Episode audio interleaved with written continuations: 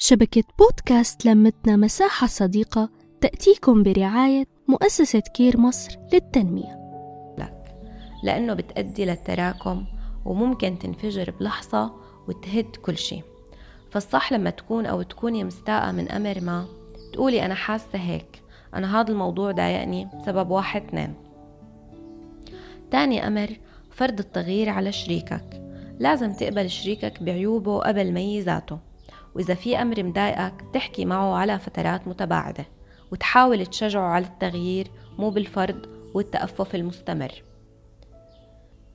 ثالث أمر محاولة تملك الآخر والسيطرة عليه. هاد أكتر موضوع بخنق وبيدفع شريكك إنه يصير يخبي عنك ويبتعد ويبطل فيه تواصل حقيقي. لازم يكون في وقت خاص بيقضيه الشريك بعيد عنك. وقت لأهله وقت لنفسه وقت لأصحابه أو حتى يمارس هواية بحبها. رابع أمر مقارنة شريكك مع الآخرين. هيك ببطل مالي عينك وبتركز بس على عيوبه وبتنسى ميزاته. وبالمحصلة ببطل في حب. خامس أمر عدم الاستماع لشريكك. يعني بتقاطعه أو بتنقد كلامه أو بتجادله. هيك بتدفعه ليصمت أو يروح يحكي لحدا تاني. فلازم ناخد بالنا من هاي الأمور لأنها بتعمل تراكمات بهد رصيد الحب والغلاوة.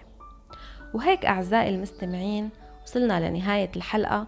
بتمنى تكونوا استفدتوا واستمتعتوا وبلاقيكم بحلقة جديدة ومع السلامة. نحكي نتشارك نتواصل.